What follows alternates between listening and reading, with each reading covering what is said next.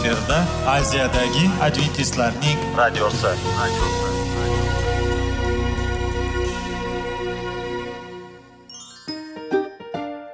Assalomu alaykum aziz radio tinglovchilar.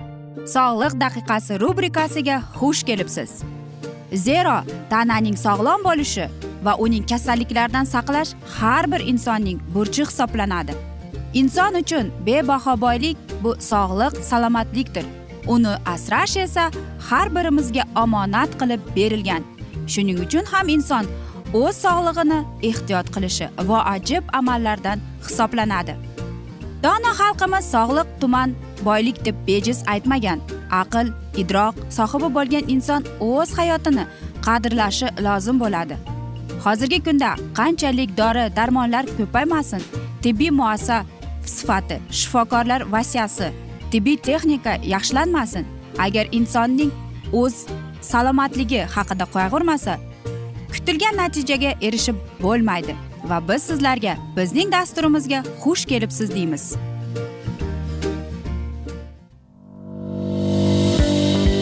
Sog'liq daqiqasi soliqning kaliti qiziqarli ma'lumotlar faktlar.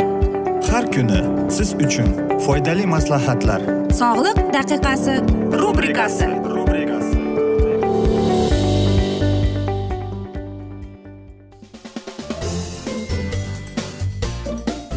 assalomu alaykum aziz radio tinglovchilar. Dasturimizga xush kelibsiz va biz sizlar bilan sog'lom ovqat degan dasturda xushvaqt bo'ling deb aytamiz va bugungi bizning dasturimizning mavzusi bu banan haqida ketadi. Bilasizmi e, oxirgi e, mahallari bananning ketidan judayam yomon so'zlar afsonalar paydo bo'ldi. Ya'ni ko'plab odamlar aytadiki bananda e, shakar ko'p deb.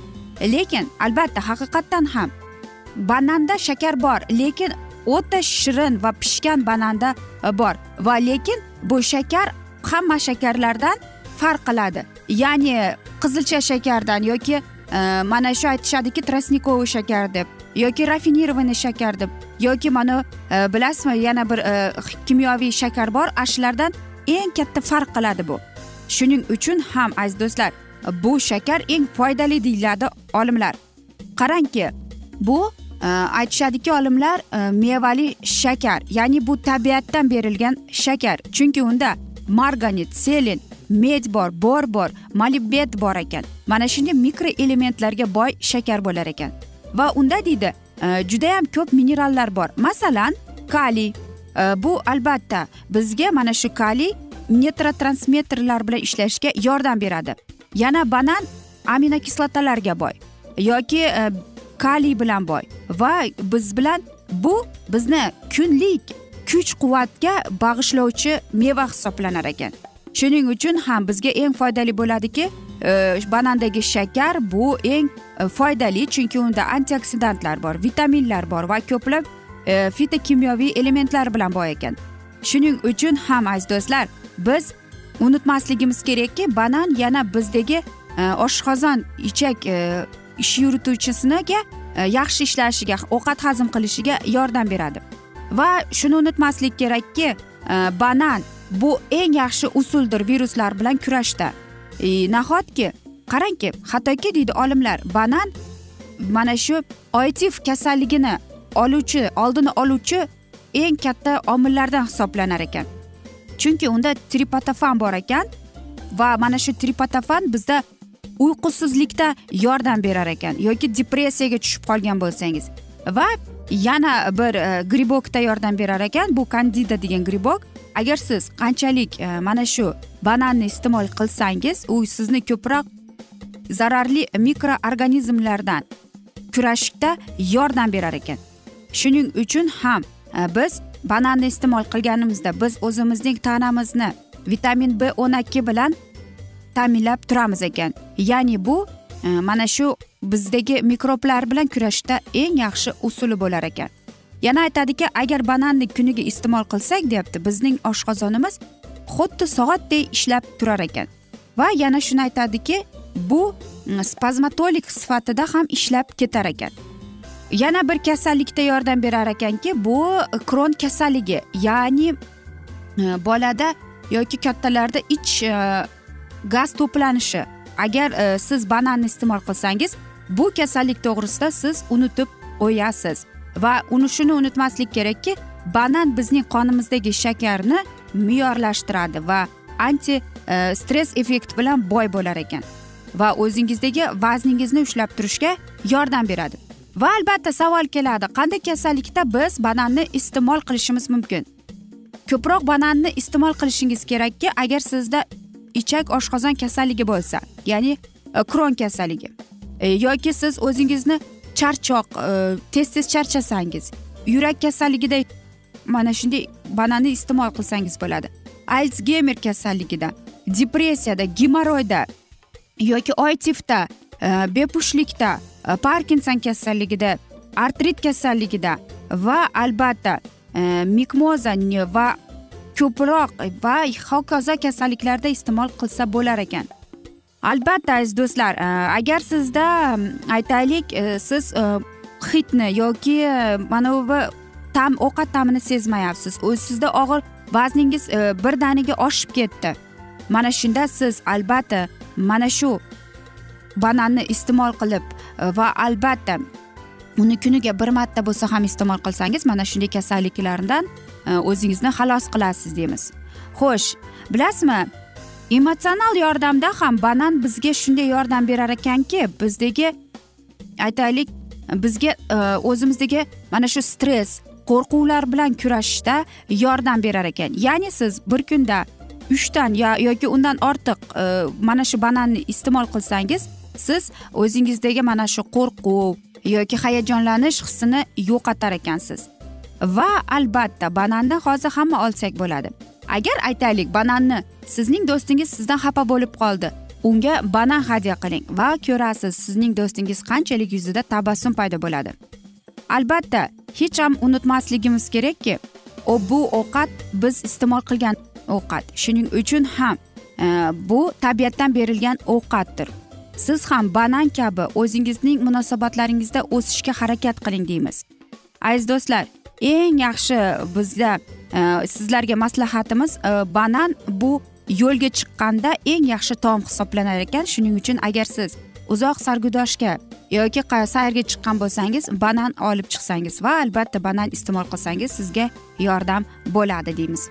Biz esa mana shunday asnoda bugungi dasturimizni yakunlab qolamiz. Afsuski vaqt birozgina chetlatilgan lekin keyingi dasturlarda albatta mana shu mavzuni yana o'qib eshittiramiz. Yoki sizlarda savollar tug'ilgan bo'lsa biz sizlarni plyus bir uch yuz bir yetti yuz oltmish oltmish yetmish bu bizning whatsapp raqamimiz. Yoki salomat klub internet saytimizga sizlarni taklif qilib qolamiz. Va aziz do'stlar men umid qilamanki bizni tark etmaysiz deb chunki oldinda bundanda qiziq bundanda foydali dasturlar sizlarni kutib kelmoqda deymiz. Va biz sizlarga va oilangizga sog'lik salomatlik tilab o'zingizni va yaqinlaringizni ehtiyot qiling deb xayr omon qoling deymiz.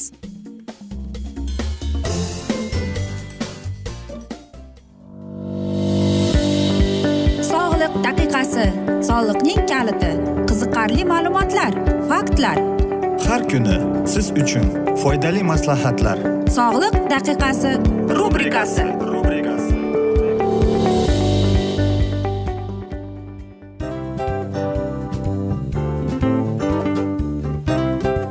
mana ha hayotda hamma narsaning yaxshi narsalar tugaydi va yakunlaydi degandek bizning dasturimizga ham yakun keldi. O'ylaymanki bizning dasturimiz sizga foydali bo'ldi deb aziz radio tinglovchimiz. Va siz o'zingiz uchun kerakli xulosalar kerakli maslahatlar olib oldingiz.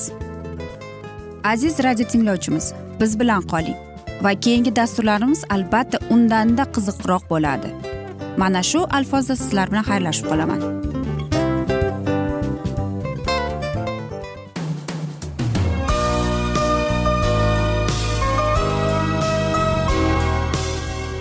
Efirda aziyadagi adventistlarning radiosi.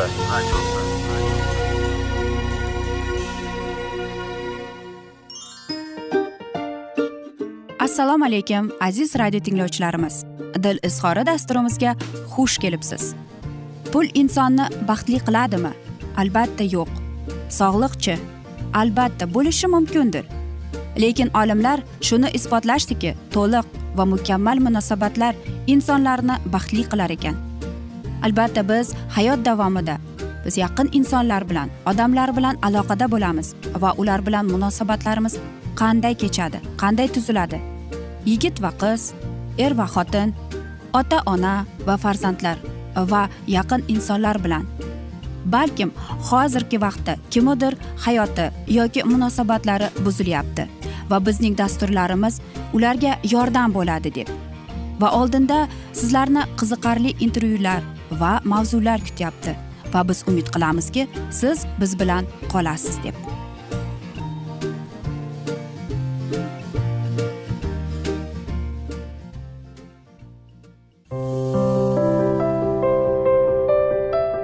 Har kuni har xil kasbdagi odamlar bilan sirlashish va bo'lishish sevgi rashq munosabat. Bularni hammasi dil izhori rubrikasida.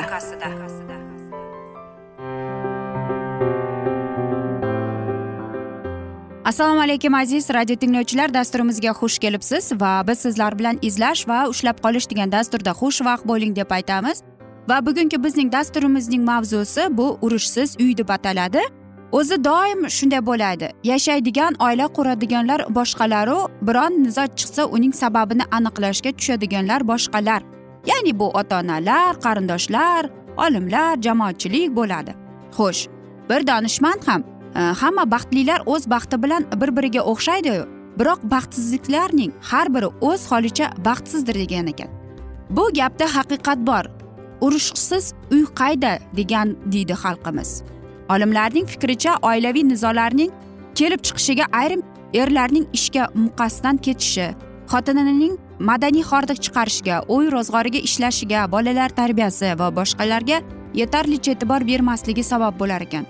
Darhaqiqat e'tibor berib ko'ring ayrim erkaklar o'z uylarini e, bir yotoqxonaday tasavvur qiladilar. Biz ayollar ko'pchiligimiz esa mana shu uy uchun oila turmush tabiatdan butun bir olam ishga borayotib ham oila haqida o'ylashimiz uy ro'zg'or tashvish quvonchlari xayolimizdan nari ketmasligi ham rost. Tushlik vaqtidan foydalanib turvaymizmi? Ro'zg'orimizda yo'q narsa bilan to'ldiramiz. Ishdan keyin bog'chaga yuguramiz yo'l yo'lakay yana kompyuterni ishga solamiz. Uyda nima qancha nima bor nima yo'q tez tez hisoblab beradi. Qanday ovqat tayyorlashimizni dasturga kiritamiz. Biz ishda o'zimizni mehmondek his qilamiz. Ayniqsa dushanba kunlari ayni ishda bir halovat topamiz dam olamiz. Erlarimiz buning aksi ular uyda o'zlarini xo'jayindek his etadilar. Divanda yonboshlab gazeta o'qiydilar televizor ko'radilar madaniy dam olish deb shuni tushunadilar. Biz ishdan oilaga o'zimizga uyimizga shoshilamiz. Erlarimiz oiladan ishga qochishadi. Nega urushqili vaziyat tug'ilmasin? Ustiga ustak bizning bir og'iz shirin so'z gadosi bo'lib turganimizni sezmay ishda hamkasb ayollar bilan og'izlaridan bol tomib gaplashadi. Dam olish kunlarida bolalar tarbiyasiga o'y ro'zg'or ishlariga bog'liq vazifalarni qo'lga olishlariki amalga oshmaydigan orzu bo'lib ko'rinadi. Jilla bo'lmasa ayol kishi qulog'i bilan sevadi deganlardek bizni vaqtida maqtov bilan siylab turishsaku olam guliston yaxshi gap bilan ilon inidan chiqadi yomon so'z bilan pichoq qinidan axir deyiladi. Ha uy zindon ko'cha xandon deysizda. Oilaviy nizolarga taxt talashuv ham sabab bo'ladi. Shunisi muhimki e, bunday kurash bir birlarini yaxshi bilan bilgan sevib sevilgan yosh oilalarning ko'pchiligida mutlaq sezilmaydi. Ular bu masalani e, nikohgachayoq oshkora yoki xufiya hal qilib bo'ladilar. O'zbek oilalarining aksariyati sovchilar vositachiligida yuzaga kelishi sir emas o'z jufti halolimizni ota ona maslahati bilan tanlashimiz ma'lum. Bunday oilalarda dastavval muhabbat yetakchi o'rin egamasligi lekin o'sha muhabbat oilaviy hayot jarayonida yuzaga kelishiga ishonib o'zaro hurmat va burch asosida shiringina oila bunyod etilgan hollar juda ko'p. Er xotin yoshi orasidagi farqining ham e, kamayib borayotganini ular ham yaxshi munosabatlarga ta'sir etadi. Ilgari xotinlar erlaridan o'rtacha besh olti yosh kichik bo'lsa hozirgi vaqtda bunday farq ikki uch yoshdir. Ma'lumki qizlar yigitlarga nisbatan ancha erta ulg'ayadilar. Agar er xotinning yoshi o'rtasidagi farq juda kichik yoki tengdosh bo'lsalar ayrim ayollar o'zlarini erlaridan aqlliroq qilib ko'rsatib yashay boshlaydilar. Bundaylar hech kimga tobe emasliklarini namoyish etish uchun ham bular bo'lar bo'lmasga munozara bahsga kirishadilar. O'zlarining haq ekanliklarini isbotlash uchun ayrim hollarda hatto ovozlarini ko'tarib do'q urishgancha borib yetadilar. Bu hol erlarning izzat nafsiga qattiq tegadi. To'g'ri oila bor ekan er xotinning adibadi achishuvini senga menga borishni ham istisno qilib bo'lmaydi. Biroq ayollarning kuchi ularning zaifligidadir degan sinalgan hikmatga rioya etib asosan aksariyat holda dona ayollar bir gapdan qolib murosayu madora o'rnatib ketadilar. Binobarin oila taxti uchun kurashgan erga ham xotinga ham foyda keltirmasligini aksincha har bir janjal gullab turgan oila daraxtiga urilgan bolta kabi ekanini bir kun janjal qirqga kelgan uydan qirq kun baraka qochishni ham yaxshi bilib olishlari kerak. Kosov uzun bo'lsa qo'l ko'ymaydi degan maqolni eslaganimizning boisi aksariyat oilaviy nizolar kelinlarning uy ro'zg'or ishlarini bajarishga tayyor emasligi uy bekaligini o'rniga yoqmasligini natijaga yuzaga kelib chiqadi. Bugungi kunda ayniqsa shahar oilalarida ko'pgina ota onalar o'z qizlarini ham aqliy ham estetik ham jismoniy jihatdan kamolotga yetgan inson sifatida shakllantirishga harakat qiladilar. Qizlar maktabda ta'lim olish bilan birgalikda turli badiiy to'garaklarda musiqiy maktablarga boradilar. Turli sport seksiyalariga qatnaydilar. Ma'lumki ota onalar o'zlarini yoshligida erisholmagan niyatlarga bolalarini muyassar bo'lishni istaydilar. Bu albatta yaxshi. Lekin yaxshi beka bo'lish uchun bularning o'zi hali oz ekanda. Eplikka ekan deyishimizni uy ro'zg'or ishlariga bekanlikka o'zlari mustaqil oila yaratishga qobil bo'lgan kelinlar haqida har qalay ular qoqilmaydilar. Yangi uy nizolarga ham o'rin bo'ladilar deydi. Aziz do'stlar albatta har bir oilada urush janjal bo'ladi lekin bu nizolarni albatta biz qochishimiz mumkin. Chunki unutmaslik kerak. E, nima bo'lgan chog'da ham bu munosabatlarga er ham xotin ham munosabatga mas'uliyat deb aytib qolamiz. Biz esa aziz do'stlar mana shunday asnoda afsuski bugungi dasturimizni yakunlab qolamiz chunki vaqt birozgina chetlatilgan. Lekin keyingi dasturlarda albatta mana shu mavzuni yana o'qib eshittiramiz. Lekin sizlarda savollar tug'ilgan bo'lsa biz sizlarni plyus bir uch yuz bir yetti yuz oltmish oltmish yetmish bu bizning whatsapp raqamimiz. Murojaat etsangiz bo'ladi. Va men umid qilamanki bizni tark etmaysiz deb chunki oldinda bundanda qiziq bundanda foydali dasturlar kutib kelmoqda sizlarni deymiz. Biz esa sizlarga va oilangizga tinchlik totuvlik sog'lik salomatlik tilab o'zingizni va yaqinlaringizni ehtiyot qiling deb seving seviling deb xayrlashib qolamiz.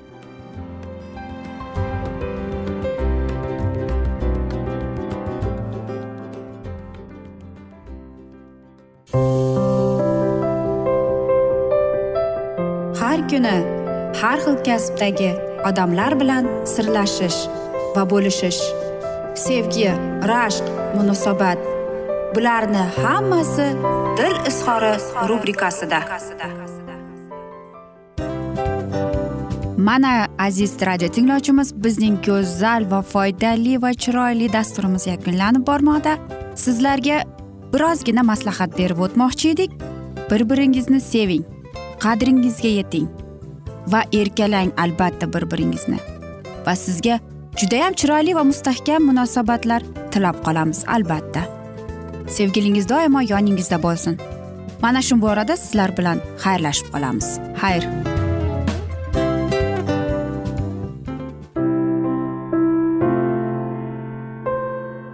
Hayotning noni qiziqtirgan savollar va javoblar. Buning hammasi ko'ngil uchun oziqa rubrikasida.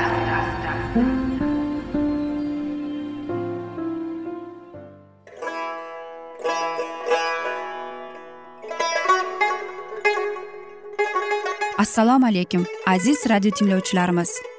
Ko'ngil uchun oziqa rubrikasida xush kelibsiz deymiz. Siz haqiqatni izlayapsizmi? Olamnimi umidnimi siz kimga murojaat qilmoqchisiz? Odamlar ko'pincha siyosat kuchiga tayanadilar. Dunyo iqtisodiyoti holati tobora chuqurlashib bormoqda.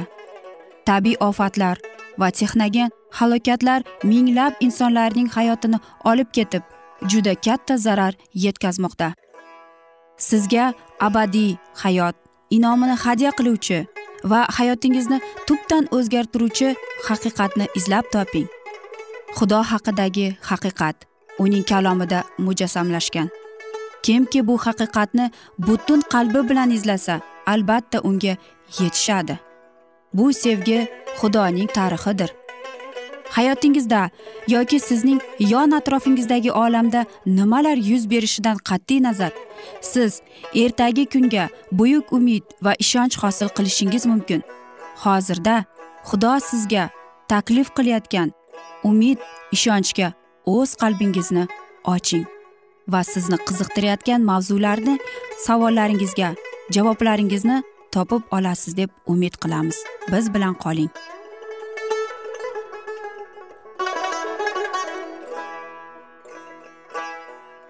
Assalomu alaykum aziz radio tinglovchilar. Dasturimizga xush kelibsiz va biz sizlar bilan ulug' otalar va payg'ambarlar degan dasturda xushvaqt bo'ling deb aytamiz. Va bugungi bizning dasturimizning mavzusi isroilga berilgan qonun deb ataladi va biz sizlar bilan o'tgan galgi mavzuni bugun davom ettiramiz. Sening xudoying xudovandingning ismini behuda aytma. Zero uning ismini behuda tilingga olgan jazo olmay qolmaydi deb bu amr deydi soxta qasam ichishlarga va odamlar xudo nomi bilan oddiy gaplar orqali qasd qilishlarga man etibgina e, qo'ymay xudo ismining ma'nosiga e'tibor bermay yengiltaklik va beparvolik bilan tilga olish man etiladi. Biz o'ylamasdan uning ismini suhbatimizda eslaganda arzimagan ishlarda uni shohidlikka da'vat etganda va qachonki e, uning ismini kerak kerakmas ko'p takrorlanganda biz xudoning ismiga benomuslik keltiramiz deb ataladi.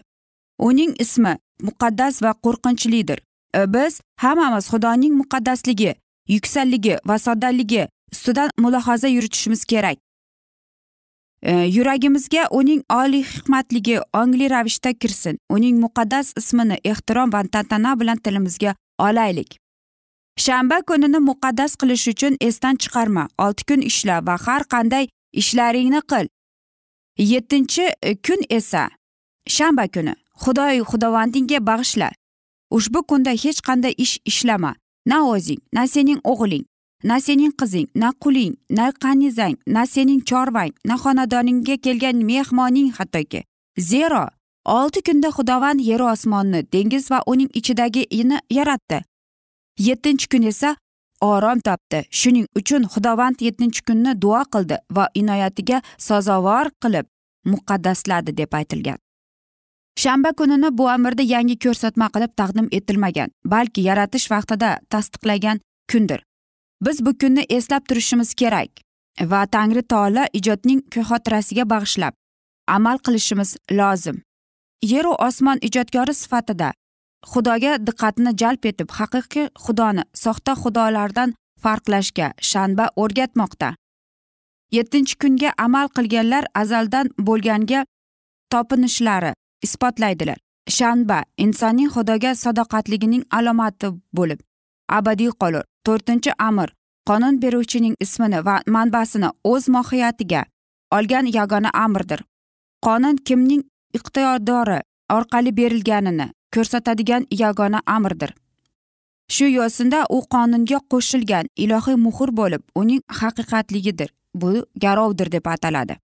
Xudo odamga mehnat qilish uchun olti kun berdi va odamlar o'z ishini shu olti kun ish kunda bajarilishi kerak. U talab qiladi shanba kunni faqat rahm shafqat ishlari va olib qo'yib bo'lmaydigan zarur ishlarni bajarilganda ta'na qilinmaydi. Bemor va azob chekayotganlarga doimo g'amxo'rlik ko'rsatish kerak. Lekin haddan ziyod mehnat qilishni chetga sha'ni olib qo'yish kerak deydi.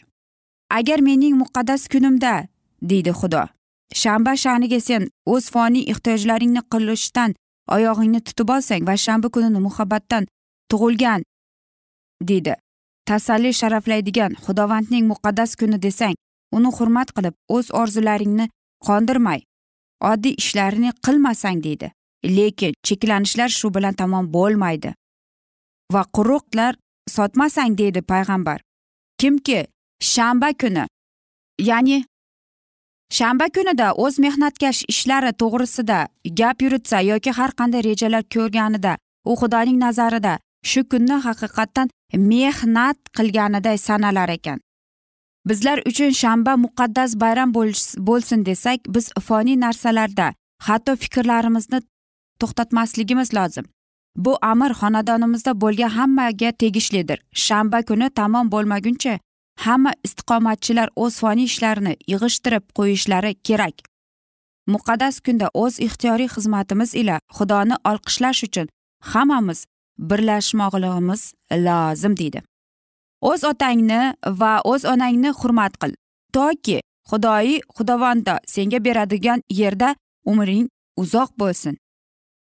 Ota onalar boshqa hech kim yetisha olmagan sevgi va hurmat izzatga huquqlari bor. Xudoning o'zi ularga ishontirilgan jonlar uchun javobgarlik zimmasini qo'yib farzandlar hayotining birinchi yillarida ota ona ularga xudo o'rniga deb azaldan tayinlangan. Va kimki o'z ota onasining qonuniy obro'sini inkor qilsa va kimki e, deydi shuning bilan ilohiy obro'ni inkor qilmoqdadir deb. Balki Э, shunday bo'lgani sevgi nazokat ularga g'amxo'rlik. Э, ularning nufuzini saqlashlarini qarigan chog'da farzandlar yordam berib yupatuvchi bo'lishlarini talab qilmoqda. Bu amarga amal qilish shuningdek xudo hokimiyat bergan har bir kishiga hurmatli muomalani kuzda tutilmoqda. Havoriy deydi bu haqdagi ilohiy buyruq xudo va'da qo'shib bergan birinchi buyruqdir. Isroil uchun tezda kanon yerida istiqomat topmoqchi ekan. Bu amrga rioya qilish nazr atalgan yerda. Uzoq umr ko'rishning garovi edi. U bundan keyin ma'noda butun ilohiy isroilga tarqalmoqda va uni amal qilgan gunoh la'natidan ozodlangan yerda abadiy hayotga sazovor bo'lishga va'da olmoqda deydi. Mana shunday aziz do'stlar va biz keyingi dasturda albatta mana shu e, xudoning qonunlarini yana bir eshittiramiz. Sizlarda savollar tug'ilgan bo'lsa biz sizlarni plyus bir uch yuz bir yetti yuz oltmish oltmish yetmish raqam bemalol yozib e, murojaat etsangiz barcha qiziqtirayotgan savollaringizga javob beramiz deymiz. Va men umid qilamanki bizni tark etmaysiz deb chunki oldinda bundanda qiziq va foydali dasturlar sizlarni kutib kelmoqda deymiz aziz radio tinglovchilar. Va albatta biz e, sizlar bilan xayrlashar ekanmiz. Oilangizga va sizga tinchlik totuvlik tilab va albatta o'zingizni va yaqinlaringizni ehtiyot qiling deb xayrlashib qolamiz.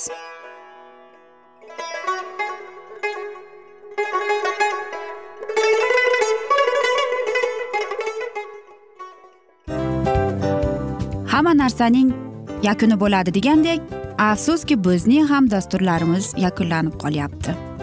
Va biz o'ylaymizki bizning dasturimizdan o'zingiz uchun kerakli va foydali maslahatlar olib oldingiz. Sog'liq borasida sizga foydali maslahat berganmiz deb umid qilaman albatta. Va sizlarga mana shu borada sog'liq tilab qolaman. Munosabatlarga kelganda esa sizlarga sevgi omad va albatta yaxshi munosabatlar tilab qolamiz. Uchinchisiga kelganda esa bu juda chuqur va e'tiborli nazarni qumsaydi va sizlarga mana shu yaxshilik kayfiyatda sizni kayfiyatingizni ko'targan holda sizlar bilan xayrlashib qolaman afsuski. Ammo lekin keyingi dasturlarimiz undanda qiziq bo'ladi. Va siz biz bilan bo'ling. Bizni tanlaganingiz uchun sizlarga rahmat. Omad sizlarga. Xayr.